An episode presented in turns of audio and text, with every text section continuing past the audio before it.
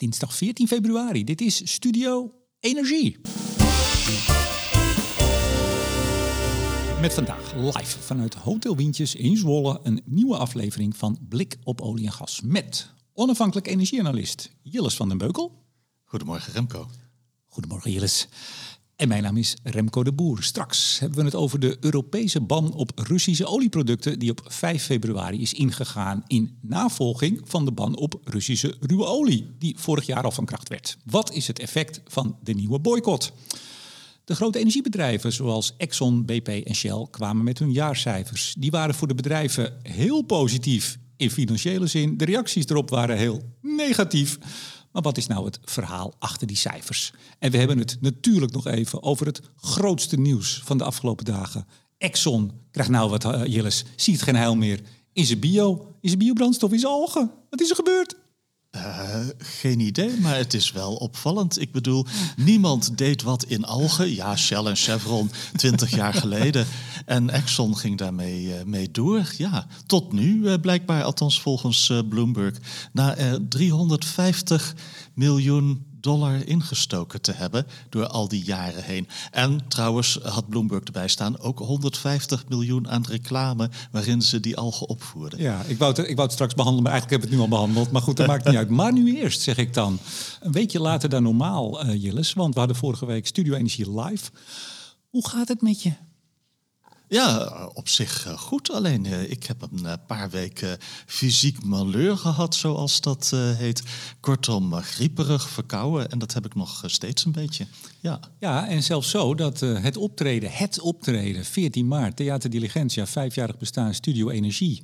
Jij gaat daar zingen. Jij zou daar gaan zingen. Jacques Brel. Je hebt het ja. vorige keer gezegd. De uh, had ik in gedachten. Het is zelfs toch zo, de malheur, dat dat, nou, niet doorgaat? Nou, ik, ik, ik, uh, ik, uh, mijn stem doet het gewoon niet lekker voor mijn gevoel.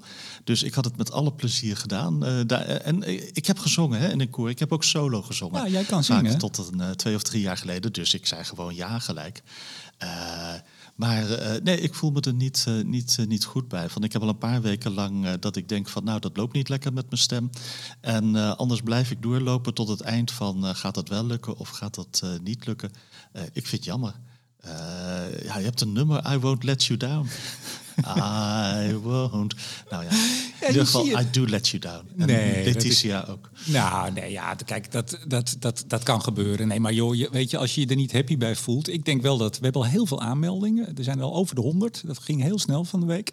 Mooi. Uh, ik kom Leuk. straks even met informatie hoe uh, luisteraars erbij kunnen zijn. Jawel, blijf gewoon even luisteren naar deze podcast. En hoor je aan het eind hoe je erbij kan zijn bij het niet zingen van Jilles. Ja, ik denk wel dat er afzeggingen komen nu, Jilles. dat ik denk dat er mensen speciaal naar Den Haag zouden... Dat je, dat je meer opzeggingen... Nee, uh, hoe zeg je dat? Aanzeggingen krijgt. Ja? Denk je? Nee, ik weet het niet. Ja, we gaan het zien. Uh, aan het eind gaan we het daar even over hebben. Hoe kun je erbij zijn? Um, zullen we maar gewoon beginnen? Wij beginnen. Dan hebben we het over uh, olie, de boycott. 5 februari, olieproducten, diesel, uh, kerosine, noem maar op. Die ging in.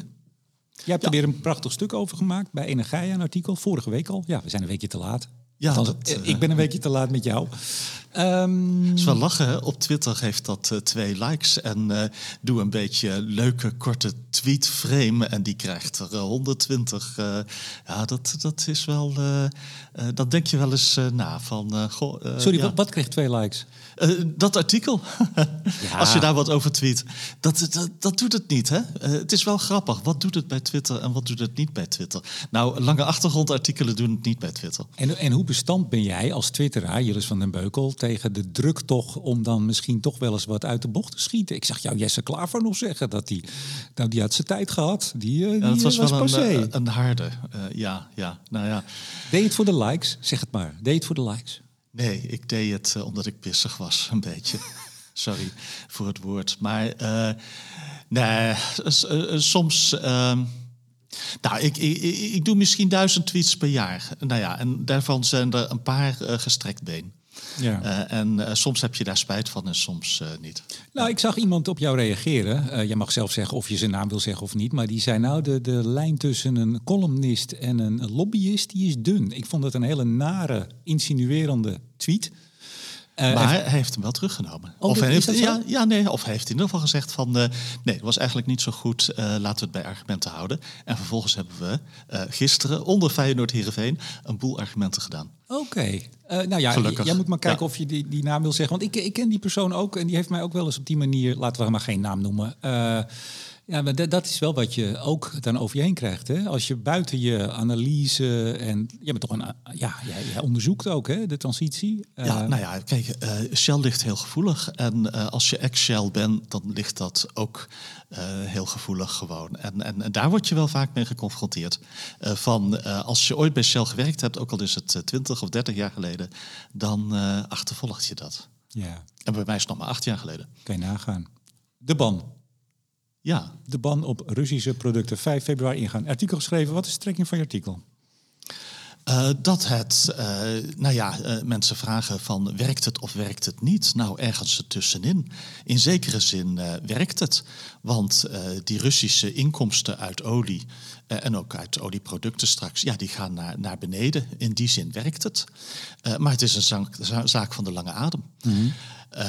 dat ja, uh, Poetin gaat hier om deze reden echt niet met de oorlog stoppen. Maar in combinatie met alles wat je aan financiële en technische elementen in die, uh, in die maatregelen hebt, ja, gaat het wel, wel helpen. En in wezen zet het Rusland een beetje op het spoor richting een soort van Iran en Venezuela, een soort van paria-staat die buiten de normale orde staat.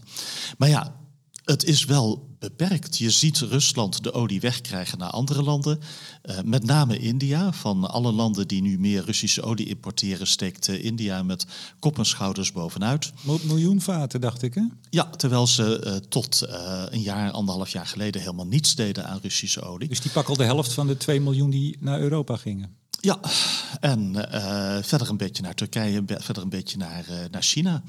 En uh, dat werkt voor de Russen. Maar ja, ze hebben wel ondertussen afgelopen jaar heel veel geld uitgegeven aan het opkopen van oude troep, zeg maar, tankers mm -hmm. van 15 of 20 jaar oud, die anders naar Bangladesh waren gevaren om daar op het strand ja, ontmanteld te worden. Ik weet niet of je dat ooit gezien hebt. Ja, maar ze varen dus echt het strand op. Hè. Dat, dat zijn waanzinnig bizarre beelden. Ja. Ja, nou, Lucia van Geuns, een paar maanden terug, die, die waarschuwde daarvoor, of die, die sprak ook haar angst uit of er niet en jij doet het ook in je artikel, of er niet een keer een, een olieramp mee plaatsvindt.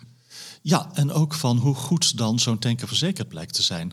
Want uh, ja, ook die verzekeringen, dat gebeurt nu door uh, ja, toch een beetje duistere partijen. Schaduwvloot, uh, schaduwverzekeraars. Ik weet niet hoe je dat noemt. Uit Dubai, vaak met Russische partijen daarachter. kunnen die ook echt het grote kapitaal opschokken als het misgaat? Wat wel nodig is. Hè? Want van westerse verzekeringsmaatschappijen weet je dat die, die spreiden hun risico's. dat wordt in een pool gecombineerd. Uh, want het gaat om enorme bedragen als er ooit zo'n tanker, ik noem maar wat, in een Bosporus of ergens anders uh, een probleem krijgt, een echt mm -hmm. probleem. Ja, en dat moet je, moet je afwachten of uh, die nieuwe verzekeringspartijen dat ook zo voor elkaar hebben. Ik heb mijn twijfels. Ja, maar nou blijkt dat Rusland, die geven een grote korting op de olieprijs, op de ruwe olie. maar die verdienen weer extra aan bijvoorbeeld verzekeren en vervoeren. Ja, ja, want uh, ja, je ziet uh, in de keten wordt er nu minder verdiend aan productie en meer aan uh, verzekering aan vervoer. Dus ja, en als die cap bijvoorbeeld geldt voor FOB, free on board, nou ja, dan, dan kan die cap wel gelden, maar dan, wordt er misschien nog 10, 15 dollar per vat of 20 dollar per vat verzekerd, ver, verdiend aan verzekering en vervoer. En er wordt natuurlijk heel veel verdiend aan, aan raffinage. Dus er zijn een boel partijen in Turkije, India, die nu uh, ja, uh, een boel op andere manieren gaan uh, verdienen. En met name aan de raffinage. En die diesel, ja, ik weet niet of we daar de vinger achter krijgen. Maar diesel uit Russische olie, ja, die gaat gewoon naar Europa komen. En anders is het wel de diesel die normaal in India werd geraffineerd, uh, die dan naar Europa komt en zij rijden op diesel uit Russische olie geraffineerd. Ja, nou toch even misschien voor luisteraars die uh, dit niet dagelijks volgen. Het is best ingewikkeld, hè? want we hebben dus een echte ban, een boycott. Er mag geen druppel ruwe olie, dat mocht dan niet vanaf 5 december de EU binnen. Klopt. Er mag nu dus ja. geen druppel benzine, of pardon, uh, ja, nou, diesel, kerosine, et cetera erin. Maar de andere landen, G7-landen, Australië, Amerika, die hebben een plafond ingesteld. Voor de prijs. En Ja. ruwe olie is dat eh, 60 dollar per vat. En voor olieproducten varieert dat van 40 dollar voor de eh lage waarde producten tot, eh, ik meen, 105 dollar per vat voor eh, de hoge waarde, de diesel bijvoorbeeld. En zien we daar nou al effect van? Eh, je ziet zeker effect van eh, de directe stroom Rusland-EU. Die is eh, weg op één of twee uitzonderingen na. Zuidelijke Druzhba-leiding, Bulgarije per, per schip. Dat mag nog, maar voor, een, voor verreweg het grootste deel is die weg. Dus ja, net als met gas, alle gasstromen zich verleggen en een heel nieuw eh, systeem van, nou ja, van transport zich uitkristalliseert, is dat voor olie en olieproducten ook zo. En ja, de uitdaging voor Rusland, het lukt ze aardig de olie weg te krijgen, maar voor olieproducten is dat eh, gewoon moeilijker. Want ja, je hebt niet eh, zo'n enorme vloot aan olieproductentankers. Hè, dat zijn kleinere tankers, daar zijn er toch qua volume minder van. Dus dat is eigenlijk een grotere uitdaging. Dus je ziet de verwachting een beetje ontstaan dat Rusland wel omlaag moet met zijn olieproductie. Misschien 10%, niet dramatisch, maar wel substantieel, jaar on jaar. Eh, 2023 ten opzichte van 2022. Eh, maar dat dat voor een groot deel zal zijn, eh, nou ja, minder olieproductie omdat ze minder diesel kwijt kunnen. Ja. Eh, merken wij al iets van eh, een dieseltekort? Nee, zeg ik dan maar even meteen. Maar eh, ik hoor van alle kanten, nou, we hebben goed ingeslagen. We hebben geloof ik voor 90 dagen hebben we, hebben we voorraad. Ja, en dan? Eh, ja, en dan is het eh, afwachten hoe zich dat verder ontwikkelt. Dus die voorraden zullen misschien geleidelijk aan wat minder worden. Maar het helpt wel, die grote voorraden. Ja, in combinatie met, als je maar genoeg neertelt, dan vaart er wel diesel naar, naar Europa. Dus je hebt toch de kans dat het met diesel net zo gaat als met, eh, met LNG.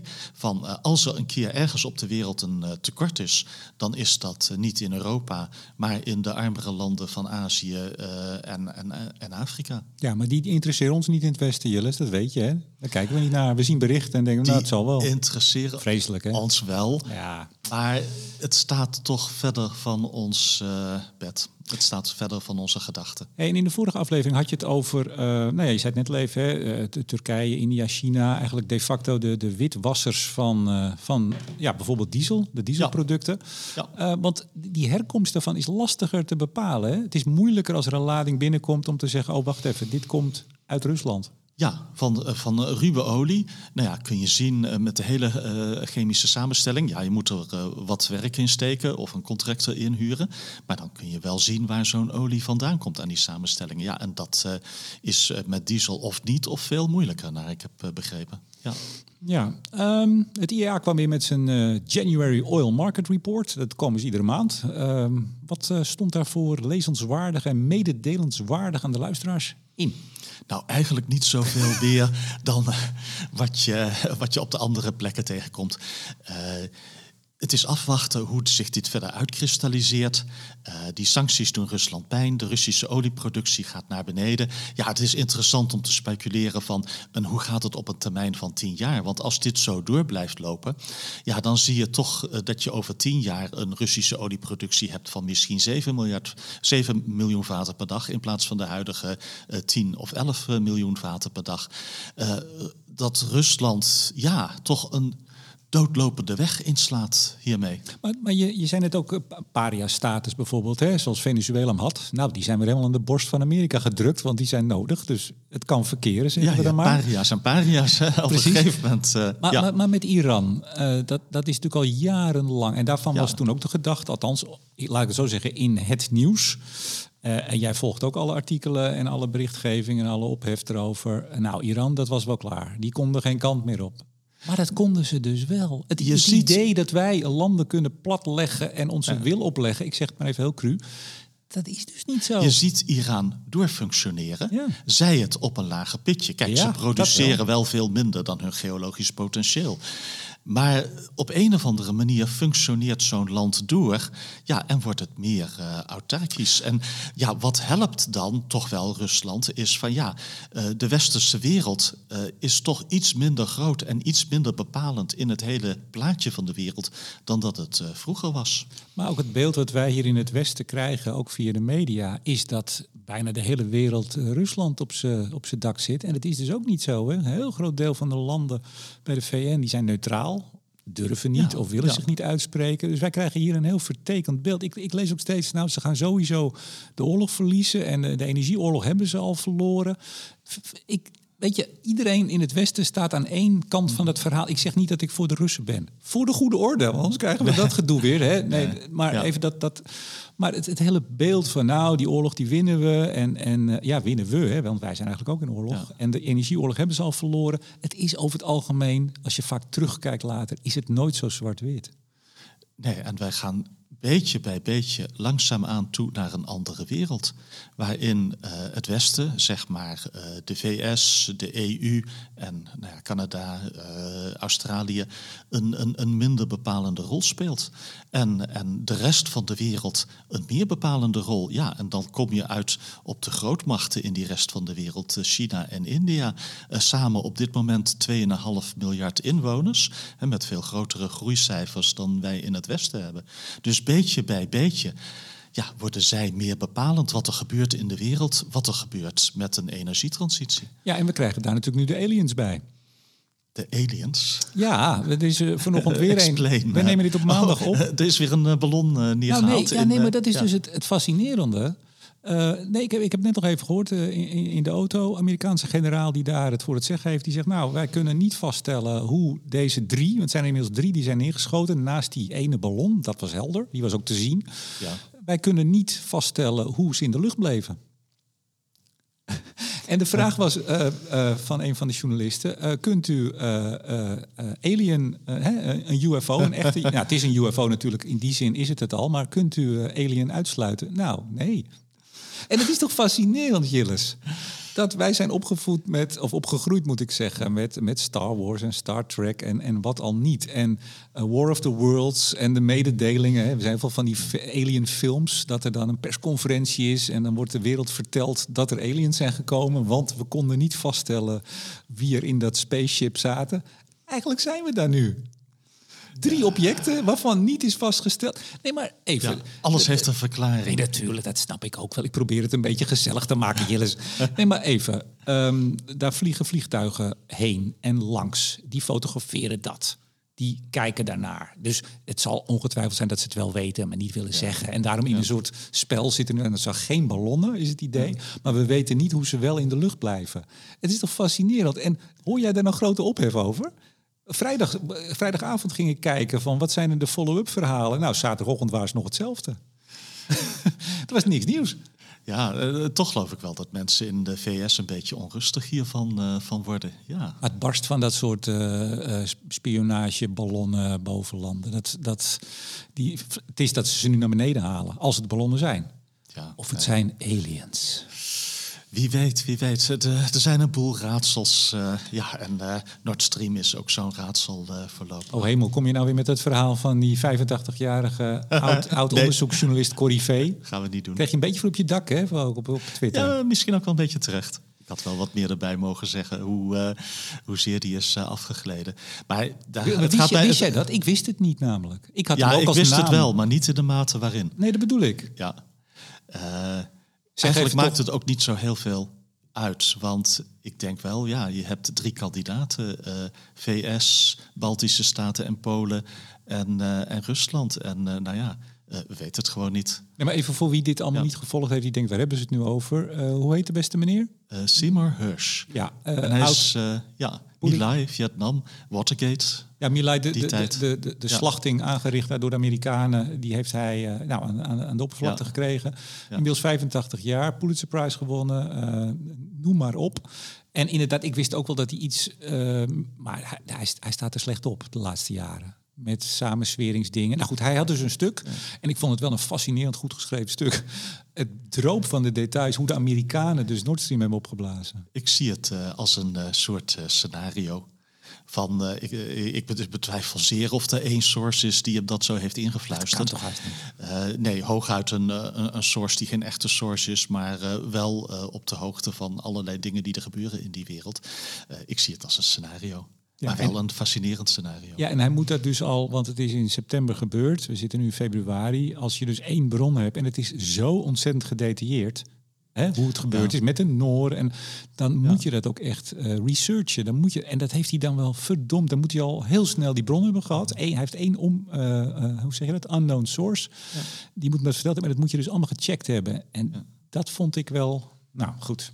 Nou, ik vind een paar dingen frappant. Dat, eh, ik geloof best dat de Russen dat kunnen.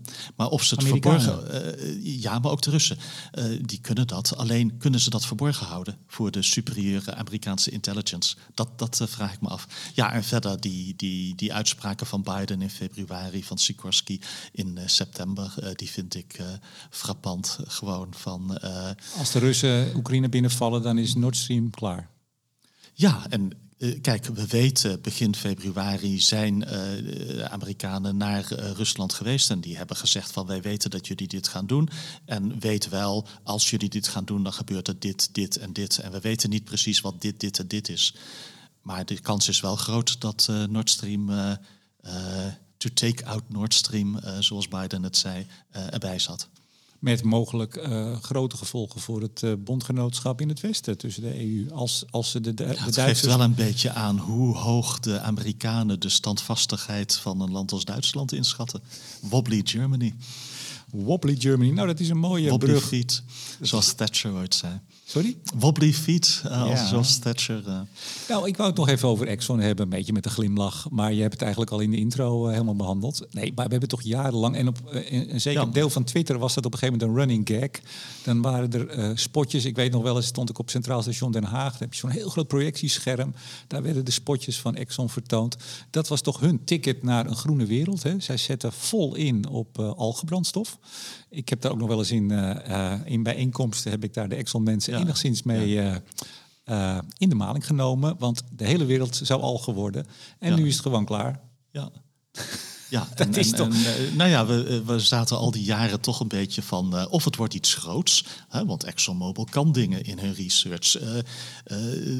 Li- Lithium-accu's die ze ooit ontwikkeld, nou ja, meer uitgevonden dan ontwikkeld, maar toch waar ze aan de basis stonden. Eh, ja, of het wordt eh, niets. En eh, ja, het lijkt toch meer dat het nou ja, in ieder geval ver van commerciële toepassing is. Dat is een ander woord voor voorlopig niets. Nee, maar ik, ik vind wel, je weet, eh, in- ik ben ingenieur. eh, je moet altijd ergens beginnen en klein en dan weet Ja, je het en niet. je weet niet waar je Je uitkomt. weet niet waar je uitkomt. Maar, dus nee, maar dat, ja, ma- die dat marketing... mogen we wel hebben. Ja. Zeker, De maar- marketing eromheen. Ja, ja, dat was de grap Ja. natuurlijk, dat het zo groot... Hoeveel hadden ze erin, geloof ik? Ze zeiden zelf iets van tientallen miljoenen, maar... Bloomberg, uit mijn hoofd even hoor, dus klein beetje voorbehoud. eh 350 miljoen dollar in het project zelf door de jaren heen. En ongeveer de helft daarvan, Precies. 150 miljoen dollar, eh, aan eh, reclame en marketing waarin ze het project lieten zien. Ja, maar En ik ga ervan uit dat het niet bij die 350 in zat. Nee, maar, da- maar dan... Ik moet even toch een serieuze Het, noot. het, het, het, Oh. het, eh, ja, wat zal ik zeggen? Het, eh, het eh, bevestigt het beeld wat veel mensen van dat soort bedrijven hebben. Dat wou ik dus net zeggen. Ik snap wel dat mensen daar heel cynisch van kunnen worden. En ik ook wel een beetje. Want we zagen het toen, nogmaals, we zaten met een aantal mensen op Twitter en, en achter de schermen zo van, god, daar heb je ze weer met de algen. Oh, het was zo gehyped. En als je dan nu zo'n bericht ziet van, nou ja, het, het wordt er toch niet en we stoppen ermee, dan, ja, ik kan er ook niet omheen. Dan is het toch gewoon, het was het doekje voor het bloeden van, kijk eens, we zetten in op groen. Kijk eens, ook Exxon, die toch niet bekend staat op zijn groene ambities. Dan was het toch gewoon een schaamlab. En dat dachten we toen ook al. Ja, ik snap wel. Ik word er ook een beetje... Nou, Ja, goed. maar ja, Exxon ziet veel meer toekomst voor fossiel. Dat is wel duidelijk. Van, eh, als je keek naar de vooruitzichten van BP, nu eh, afgelopen week voor lange termijn olievraag eh, en ExxonMobil, dan zit daar een wereld van verschil tussen. Nou, hiermee zijn we meteen beland bij deel 2 van deze podcast. De jaarcijfers van de, de Ja, grote... en alle calls eromheen van de analisten en de pers. eh, La- en laten we eerst eens even rustig afpellen. Vertel Ja. eens even, wat zijn de cijfers? Eh, uit mijn hoofd 200 miljard dollar winst van de grote IOC's, International Oil Companies. Dus, eh, oh, nou moet ik even. eh, ik, weet niet of ik het ik heb allemaal achter. De, heb, heb jij ze staan? Ja, ik heb ze staan natuurlijk. Nou, ik lepel ze op en jij zegt of het een beetje klopt. ExxonMobil 57 miljoen dollar. Nou, laten we er eerst een miljard van maken. Oh ja, miljard. Ja, Eh, ja, ik heb Ja, voor 56 milieu- staan. eh, Nee, maar dat is allemaal afgerond. Prima. ja eh, Shell 40, BP 28, Total 37. Chevron ook zoiets als 37 of 40, die orde van grootte. 35, ja. Ja, en eh, Equinor eh, 25, post-tax, maar pre-tax eh, iets van 75. De Noorse regering die loopt helemaal binnen. Veel centjes. Zullen we het daarop houden? Heel veel. Ja. Ehm, nou, waarom hebben ze zoveel geld verdiend? Om, het, het korte antwoord is omdat vooral de gasprijzen eh, zo hoog waren en daarnaast de olieprijzen ook wel. Eh, plus de raffinagemarges, plus goede omstandigheden eh, om uit trading veel te verdienen. Maar boven alles gas. Daarom was die pre-tax winst van Equinor zo enorm hoog van 75 eh, miljard dollar. Ja, en dan is de achtergrond natuurlijk, en waarom zijn die prijzen dan zo hoog? Nou ja, wat zullen we zeggen? Drie kwart Rusland en één kwart lage investeringen in olie en gas al een aantal jaren lang. Want ja, zoveel wordt er niet geïnvesteerd in fossiel, terwijl de vraag eh, aardig op peil blijft als lange termijn trend. En korte termijn, nou ja, post-corona weer omhoog gaat. Eh, iedereen zit nu te kijken hoe gaat dit tweede helft 2023 als eh, China er weer aankomt. In welke mate komt China eraan met de olievraag? Nou ja, en dan, dan zie je mensen als een Pierre Endurant, eh, een van de meest gerenommeerde, beter van toepassing, die term dan bij Seymour eh, olie- en gashandelaren, hedge funds, heel erg rijk hoor. Daarnaast kickboxer trouwens, wel Ja. grappig. Eh, zeggen van, nou, misschien wel de 140 dollar per vat, eh, tweede helft van dit jaar. En eh, ja, niemand weet of dat echt gaat gebeuren, maar het is wel een reëel scenario. Ja, Oh, maar overigens, hij is ook degene die ook zegt van eh Poetin has lost the energy war. Hè? Eh, en hij zegt, eh, hij, hij voorspelt het einde van de hoge gasprijs. Maar hij is zelf ook helemaal uit gas gestapt. Ja, hij voorspelt het einde van de ultrahoge gasprijs. Maar laten we wel zijn, eh, eh, 50, 60 euro per megawattuur, waar je nu tegenaan kijkt. eh, het is drie of vier keer zo hoog als eh, normaal. eh, in de zin van normaal voordat Rusland uit het westerse energiesysteem ging. Ja, maar het, Je, het- je zit wel met structureel hogere prijzen, toch? Ja, nee, maar hij had een stuk in, eh, of, of hij werd gequote in Financial Times, maar dat werd in Nederland ook opgepakt, zag ik, hè? meerdere kranten. En daar werd toch alweer gedaan alsof we alweer een beetje terug waren naar normaal. Ja, dat zijn we nog steeds nog, nog langer niet met de Wij zijn, gasprijs. wij, wij zijn eh, aangeland bij een nieuw normaal. En dat nieuwe normaal is volatiele olie- en gasmarkten met eerder hogere dan lagere prijzen. Hè? Aan de gaskant misschien drie of vier keer zo hoog dan eh, voor 2020. Ja, en aan de oliekant ook. Eh, de Brent waar we nu op zitten, 85 dollar per vat, die orde van grootte, eh, richting 90. Eh, voor een wereld die tegen recessie aanschuurt, is dat gewoon erg hoog. Ja. Ja, en je ziet, Amerikaanse schalieolie eh, speelt daar ook echt een eh, rol bij. Eh, gedeeltelijk financieel, van nou ja, krijgen toch minder geld. Managers worden afgerekend op de winst in plaats van de volumes. Dat maakt een boel uit hoor, bij die Amerikanen in Texas. En ja, ook geologisch.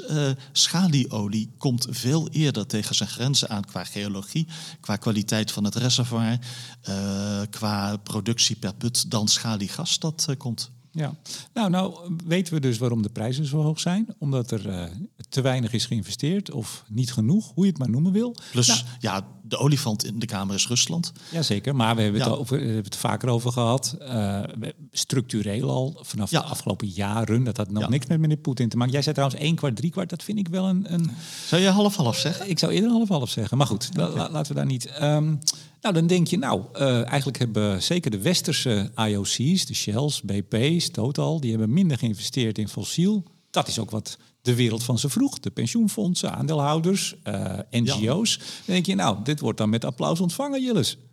Die bedrijven kunnen geen goed doen. Denk je soms. Wat waren de reacties? Eh, variërend van de frames. Hè? eh, gewetenloze winstmakers die eh, de wereld naar de afgrond te brengen. Tot eh, ja, meer eh, redelijk, maar toch wel erg teleurgesteld van eh, waarom investeren zij niet meer in de energietransitie. Eh, ik denk als je gewoon puur zakelijk kijkt naar wat ze doen.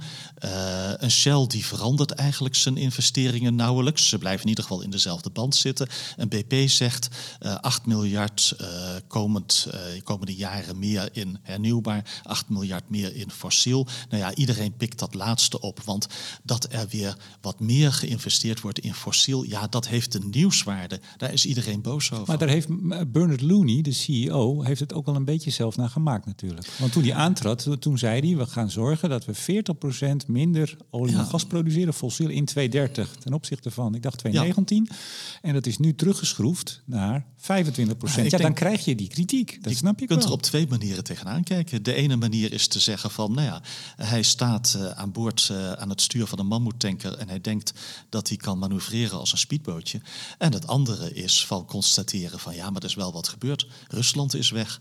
Wij gaan toe, voorlopig komen decennia naar, naar het zich laat aanzien nu, uh, systematisch hogere prijzen voor uh, fossiel. Ja, maar En misschien ook wel een systematisch hogere vraag naar in ieder geval de producten van de westerse IOC's. Ja. Als Rusland wegvalt, gedeeltelijk. Sorry. Nee, nee, we komen zo nog even op, uh, op Shell, jouw oude werkgever, maar toch even bij BP blijven. Kijk, Bernard Looney trad aan. Dat, dat, was een frisse groene wind, zou ik bijna zeggen, die er waaide, toch? Ja. Dat moest echt het afscheid worden van een tijdperk en een nieuw, een nieuw tijdperk wat, wat, wat begon zei het al, aankondiging. We gaan minder uh, uh, olie en gas. Uh, eh, 40% dat is nu net 25. Um, maar tegelijk, ik dacht dat New York Times quotes van hem had, van een interview, dat hij zegt, ja, maar in plaats van alleen maar duurzaamheid, zou ik maar zeggen, staat nu ook leveringszekerheid, security of supply en affordability. Ja. Kijk, dan, denk ik, dan verlies je mij dus wel als je dat zegt. Want dat, toen hij aantrad, wanneer was dat? Drie jaar geleden? Zoiets ongeveer. Ja, ja. Die, daar zitten ongeveer de best en brightest zitten bij dit soort bedrijven. Die, die liepen echt niet toe met z'n allen achter groen aan. Die kijken net zo naar vraag en aanbod, dat hele spel. Als je dan nu zegt, nou, bijna zo van, nou jongens, krijg nou wat. Er, is, er is toch, we moeten toch wat meer doen. Dan denk je, ja, maar nu neem je me dus in de maling. Want dat wist je ook toen je begon. Jij weet ook, er is de substance achter de bühne en er is de framing voor de bühne. Uh, de, de, publieke opinie, de politiek die je moet managen. Ik denk qua substance uh, verschillen totaal en BP en Shell niet zoveel. Maar qua framing, ja, uh, was Bernard Looney scherper aan de wind aan het zeilen 2,5, 3 jaar geleden. Maar dan snap je wel dat je deze kritiek nu krijgt. Dat is dan dus de andere kant. Dat je eigenlijk een te grote broek aantrekt. Dat je ook door, want dan komen we zo op de, de, de, aandeel, de aandeelwaarde. Hè? De, de, de aandelen zijn eigenlijk vrij goedkoop. Ja, ja. Uh, de andere ben, ben, van Beurden zei ooit, ik pomp op wat ik kan oppompen. Wat ik uh, moet oppompen om aan de vraag te voldoen. Zoiets, ja, heel goed. Dus uh, nou ja, dat was misschien wat eerlijker, maar daarvoor werd hij ook gekruisigd. Nee, maar het lastige is dus dat BP, en volgens mij Mark van Baal van Follow This was toen behoorlijk enthousiast toen de nieuwe BP-plannen kwamen. Natuurlijk altijd kritisch, maar nee, maar ja. weet je, je, je, Dat is ook een spel op de buren, ja. wat Mark van Baal doet, natuurlijk. Nee, maar het, het geloof in dan zo'n transitie van zo'n BP... Nou, laat ik het dan voor, nou ja, voor mezelf spreken. Dat, nee, dat loopt een deuk op. Ja. Dat loopt een deuk op als je dan ineens zegt... ja, maar jongens, nu is toch wel security of supply en affordability... of uh, dat is toch ook wel belangrijk. Ja, dat wisten we ook, dat mensen we toch. denken dat die CEO's van BP en Shell... ja, uh, heel veel macht hebben, autonoom hebben... de koers van hun bedrijf kunnen uitzetten. Dat kunnen ze maar in heel beperkte mate. Je ziet nu een BP en een Shell koers-winstverhouding van vijf of zes. Nou ja, dan loop je een risico dat je wordt overgenomen. Het zij door een concurrent, het zij door een hedgefund die je gaat opsplitsen.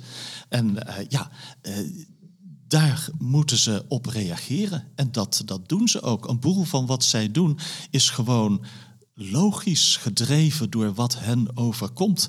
zij zijn niet die autonome CEO's die maar volledig hun gang uh, kunnen gaan. Nee, maar dat, ben ik helemaal met je eens. Dat is ook zo. Maar ik zou het heel erg waarderen. En misschien ben ik ontzettend naïef, laat dat zo zijn. Ik zou het waarderen als ook Looney en, en al dat soort uh, dames en heren gewoon het eerlijke verhaal vertellen en blijven vertellen. We hebben nog steeds fossiel nodig. We kunnen niet helemaal over op groen. Of, ofwel, uh, ook goed, maar uh, wees consistent. Als je nu al na zo'n korte tijd deze...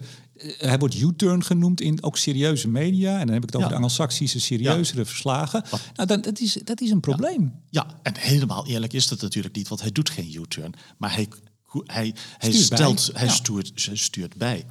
En ja, kunnen we een eerlijk verhaal verwachten van politici? Ja, soms wel. Eh, van eh, CEO's van bedrijven? Nou, minder waarschijnlijk nog. Misschien moeten wij het maar proberen. Nou ja, dat, ik, ik hoop dat wij, eh, dat Oei, wij een dat beetje een, wel, nee, bijdrage heel, leveren eraan. Ja, ik hoop niet dat het arrogant eh, klinkt. We doen, we doen een kleine bijdrage, Jillis. Nee, maar even, even eh, terug naar de topic. Ehm, dus inderdaad, meer investeren in duurzaam, meer investeren in fossiel. Nou, dat meer investeren in fossiel BP, dat haalde vooral het nieuws. Ehm, ja. daar hebben we BP gehad, hè? Zo'n Shell. Ja, eigenlijk hetzelfde verhaal. Toch wel een beetje wat uh, Walsawan uh, gaf. Uh, alleen ja, iets minder uh, snel van koers veranderen als, uh, als Bernard Looney. Dan ja, is Shell toch iets stabieler in zijn boodschap en zijn message. Ik weet niet of dat veel helpt hoor in de publieke opinie, zeker in Nederland. Maar, maar Shell heeft hetzelfde probleem als BP. Koers-winstverhouding van vijf of zes, dan ben je op de lange duur kwetsbaar. Hè? En daar bedoel ik niet dat ik verwacht dat er nu binnen twee maanden weer een hedgefund iets probeert.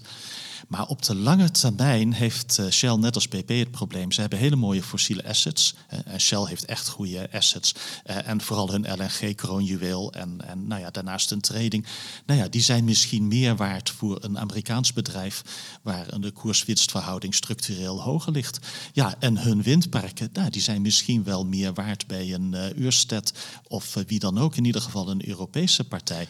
En dat maakt je kwetsbaar op de lange termijn... En dat drijft een boel van de dingen die de Waal Savants van deze wereld uh, doen. Ja, en dat realiseren nog media, nog publiek zich vaak, nog politiek. Ja, maar je weet, iedereen luistert naar deze podcast. Dus ze horen het nu. Maar even, we hebben, hoe lang was dat? Dat was natuurlijk nog met Van Beurden. Volgens mij was dat, wanneer had ik hem nou vorig jaar te gast? Toen had zich een uh, activistische hedgefund had zich gemeld. Hè? En die had eigenlijk een soort plan ingediend. Ik zeg het even heel kort door de bocht. Van nou, kunnen Shell wel op, opknippen. Ja, En dat was toen eigenlijk een beetje van, haha, nou, eh, grappig en eh, eh, niet, niet, niet te serieus nemen. Maar nu komen er dus inderdaad artikelen, hier, could Shell be a takeover target? En dan gaat het inderdaad, je zei het net, die echte, de, de, de diep fossiele jongens, de Chevrons en de Exxons, die verdienen veel meer geld. Die hebben veel meer, die zijn veel meer waard. Die kunnen op een gegeven moment BP of Shell ja, gewoon opkopen. dat is geen eh, academisch-theoretische gedachte meer. meer, meer, precies. Precies. Nee, en hoe meer Shell eh, de ABP's van deze wereld als aandeelhouder verliest, ja, toch een beetje hoe groter dat risico wordt. Waarmee ik ook weer niet dat belang van de ABP nou al te zeer wil overdrijven. Zo groot was dat niet, zo groot is ABP niet in, in, die, in die wereld uh, ingestapt, nooit. Maar ja, dat is wel zorgelijk, toch. Ja. Nou, sterker, jij vond het toch zo belangrijk dat je de, de bestuursvoorzitter van het ABP een tweetje hebt gestuurd. En dat konden wij allemaal zien. Ja, for what it's worth. Uh, Wat zei je tegen hem? Nou, toch dat, uh, dat uitstappen, naar mijn idee, nog het klimaat helpt. Want je plek wordt ingenomen door andere aandeelhouders die minder waarde hechten aan de energietransitie. En dat het wat voor mij aangeeft dat uh, ABP, en dan staat dat een beetje voor een gedeelte van Nederland, ja, het vertrouwen niet alleen in Shell, maar een beetje in de bestaande industrie heeft verloren. En ja, daar heb ik toch een andere kijk op. Ik heb hoop dat de bestaande industrie kan hervormen en het pad naar uh, Zero Carbon 2050 in kan slaan. En uh, soms proef ik bij de ABP's van deze wereld dat ze dat hebben opgegeven en dat ze liever nou ja, het oude systeem uh, tough luck, go out uh, in the dark and die en de zaak van de grond af willen opbouwen. En ja, het gaat mij niet alleen om dat net zero systeem in 2050, maar ook om een niet al te pijnlijke en chaotische weg ernaartoe. Ja, nou, ik, ik denk zelf dat, dat, dat, dat er iets anders speelt bij de ABP's van deze wereld. Nou, ze, Zeg het maar. Nou ja, Wij denken vast hetzelfde. Nou, nee, kijk, ik denk wat je hier ziet is dat. nee, hier kunnen we een aparte podcast over maken. Dus ik ga het wat korter de bocht zeggen misschien. Maar kijk, activisme, waar ik een groot fan van ben. Je hebt altijd partijen en mensen nodig die het onmogelijke willen. En die daar eh, mee beginnen. En voor gekke Henkie worden uitgemaakt lange tijd. Eh, totdat het wel lukt. Hè? Dat is een heel belangrijk Ja. groot goed. Maar activisme, ehm, de, het wensdenken soms, het totaal onmogelijk, heeft post gevat in de, de directiekamers bij CEO's, bij bepaalde organisaties die dat zonder eigenlijk op de korte termijn daar de repercussies van te ondervinden, beslissingen kunnen nemen die echt niet kloppen. Kijk, weet je, ik vind want het wordt jou dan ook verweten. En op zich is dat terecht. Hè? Als je zegt van ja, als, als zij uitstappen, pakt een ander het wel over. Met andere woorden, blijf maar zitten. Hè? Dat is natuurlijk een redenering. Dat zeg jij niet, maar dat kun je zeggen. En dan gebeurt er nooit wat. Dus hè, op zich is het argument van ja, maar als jij eruit gaat, dan komt een ander, dus blijf maar zitten. Dat vind ik niet een heel goed sterk argument. Waar het hier om gaat is, denk je dat Shell een bijdrage levert aan de transitie of niet? En jij deelde nog een mooi staatje eh, van uh, Bloomberg eh, New Energy Finance. Hè, de de mhm. scoring van alle grote energiebedrijven op hoe duurzaam zijn ze. Wie stond er op één? Shell. Wereldwijd van 40 grootste energiebedrijven. Ja, en daar zie je dus dat een ABP die kijkt daar dus niet meer naar. En dan kunnen we het heel ver terugvoeren we kunnen het terugvoeren naar de ontkerkelijking en de ontzuiling. Dat we allemaal van onze ankers zijn losgeslagen. Naar fake news, naar social media. Waarbij iedere stem heel krachtig kan worden. Ook al slaat het helemaal nergens op.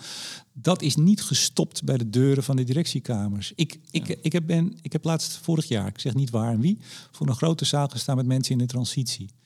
Daar stonden allemaal kleine Greta Thunbergs op. Die zeiden, we doen niks aan de transitie. En het, het, is allemaal niks. Het is een soort ook bijna modieus geworden. Als jij voor een zaal gaat staan en je zegt, we doen te weinig. We doen eigenlijk helemaal niks. Dan krijg je applaus en zeggen mensen, wat ben jij goed bezig. De connectie tussen wat we moeten bereiken, zo ongelooflijk moeilijk en hoe hard we daar moeten werken. En het roepen, het nieuws, het fake nieuws, het, het activisme, dat is totaal in de directiekamers binnengedrongen. Dat is volgens mij het grote probleem. Ja, de, de dominee heeft het gewonnen van de koopman bij uh, ABP. En dat zal zo blijven totdat wij merken in Nederland hoe pijnlijk de gevolgen zijn als wij doen wat uh, de Greta's willen. Nee, maar eh, kijk, ik vind, ik heb altijd gezegd, Greta Thunberg is, is een heel belangrijk. Dat, dat vind ik Met nou alle waardering ook die je voor Greta Precies. Thunberg kunt hebben. Maar het is misschien niet eens zozeer uh, de, de koopman, want de koopman, ja, nou, Exxon is een koopman. Ja, en die doen het goed en die worden geprezen voor hun uh, vol, volstrekking ja, maar wat wij, wij nu zien is het uh, ja, gebrek aan, aan, aan waardering voor bedrijven als Shell, wat wel het gevolg is van ja, 30 jaar wegkijken bij klimaatverandering.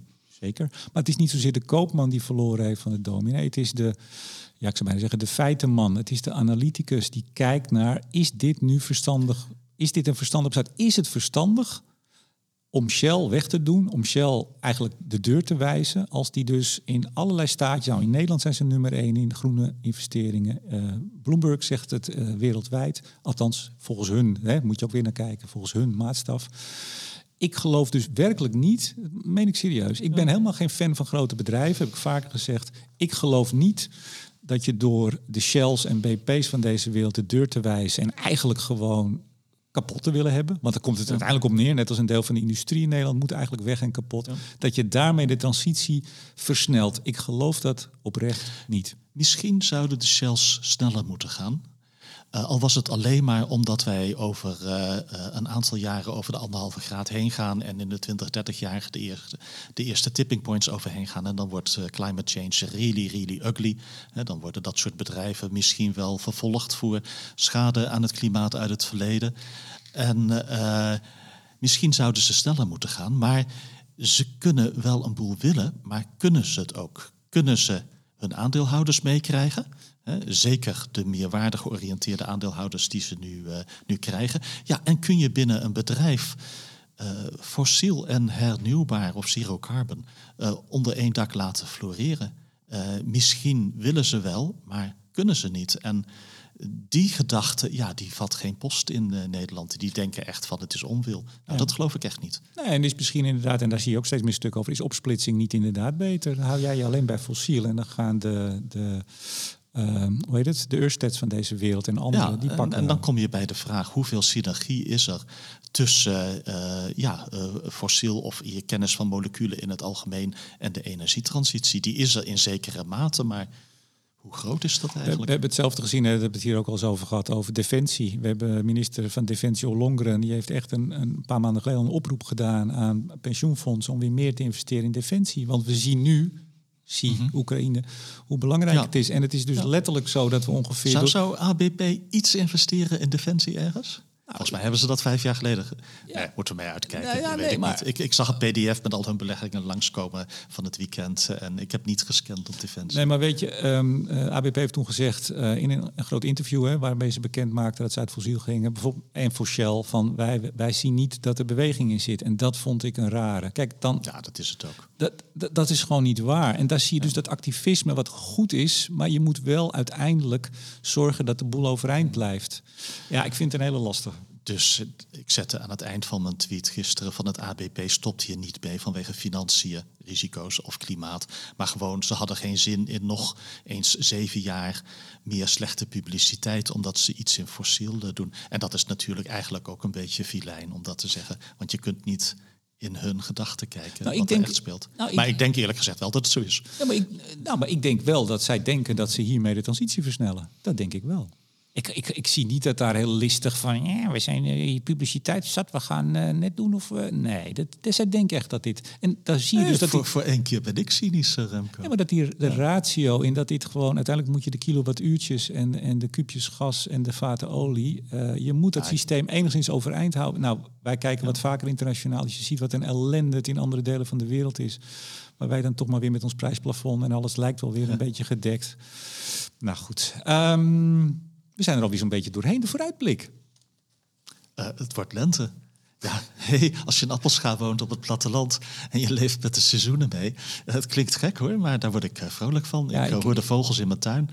Ik, ik heb het bij de vooruitblik eigenlijk altijd een beetje over vakinhoudelijke vooruitblik. Waar kijk je naar uit in plaats van vogeltjes en bloesem? Waar kijk ik naar uit? Nou, toch een beetje betere work-life balance. Iets, iets eh, ja, maar eens eh, gaan kijken. Ja. Oh jee, hier, hier zit van alles achter volgens mij. Dan gaan we straks maar Nou, even met een valt, bakje valt koffie. mee. Ja. Ik dacht, je kijkt uit naar 14 maart. Maar nee, dat is al helemaal van de, van de agenda af natuurlijk. Nee, ik kijk ook uit naar, eh, naar 14 maart, want vorig jaar was ik er niet bij. En dit jaar ben ik er in ieder geval bij. Ja, en wie weet, wie weet als die stem nog ineens... Je weet het niet, Jilles. Ik bedoel, Nee, nee, dus- nee, nee, dat gaan we niet. eh, Oh jee. Nee. Nou, wat hebben we wel? Ik ga toch even, want mensen kunnen erbij zijn. Jawel. Ehm, het vijfjarig bestaan van Studio Energie. Nou, het eerste lustrum, dat is echt groot feest. Dat doen we met de tweede editie van de grote energie- en klimaatquiz. Onder leiding van de ongekroonde cijferkoning van de Nederlandse transitie, Martin Visser. Jij bent on stage, zoals dat zo mooi heet. Eh, Hans van Kleef, die gaat iets heel bijzonders doen. Ik hoop wel dat zijn stem het ook houdt, want straks gaat hij met stem. Nou, wie gaat er zingen? Letitia Ouier. Letitia. Hey. Ja. Ja, maar dat is wel wat. En, en ze, doet, en ze do- doet ook nog lessen, hè? Ja, zij is echt heel serieus bezig om eh, daar een fantastische performance te geven. We moeten de, de verwachting natuurlijk niet te hoog zetten, want dat is Ja, vervelend toch, voor iemand. Chapeau. Maar zij doet dat fantastisch. Zij, heeft, zij is de enige die ooit gezongen heeft in de podcast. In die bijna 300 afleveringen heeft zij in de podcast gezongen. Dus ik kijk daar met heel veel plezier naar uit. Er komt nog een pianist langs en die bontebal. Ja, maar ja, het is een kamerdag. Dus hoe laat die komt en wat die doet en, en we gaan het allemaal zien.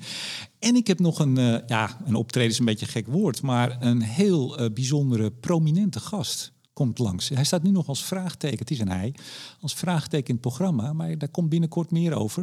Het is iemand die eh, een periode wat, iets wat in de luwte heeft gezeten, publicitair, maar iedereen kent hem. Iedereen vindt ook iets van hem, denk ik. Dat gaan we allemaal doen. Nou, daar kun je dus bij zijn. Wat moet je doen om erbij te zijn? Stuur een mail. Ja, dat is makkelijk. Naar lustrum.studio, kleinliggend streepje, energie.nl. Lustrum.studioenergie.nl.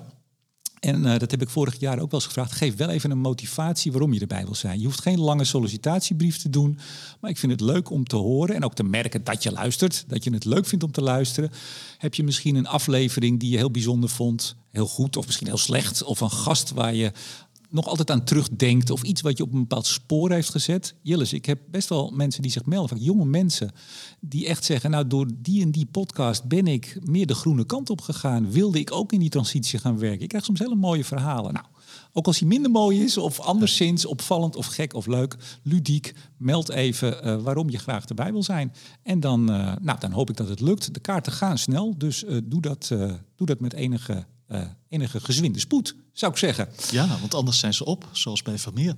Ja, zeker. Is dat zo? Ja, ik keek gisteravond op. Een tentoonstelling? Ja, ja, de Vermeer tentoonstelling in het Rijksmuseum. Oh, maar dat, dat, gaat, dat wordt dan verlengd. Dat is een truc. Ongeveer. dat is een truc. Tot slot, dus mail naar lustrum.studio-energie.nl en dan zien we elkaar misschien op 14 maart. Tot zover. Deze aflevering van Blik op olie en gas met onafhankelijk energieanalist Jilles van den Beukel. À la prochaine. En mijn naam is Remco de Boer. Graag tot de volgende keer.